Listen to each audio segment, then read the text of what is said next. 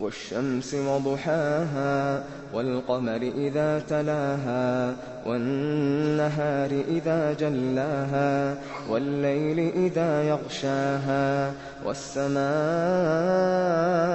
وَمَا بَنَاهَا وَالْأَرْضِ وَمَا طَحَاهَا وَنَفْسٍ وَمَا سَوَّاهَا فَأَلْهَمَهَا فُجُورَهَا وَتَقْوَاهَا.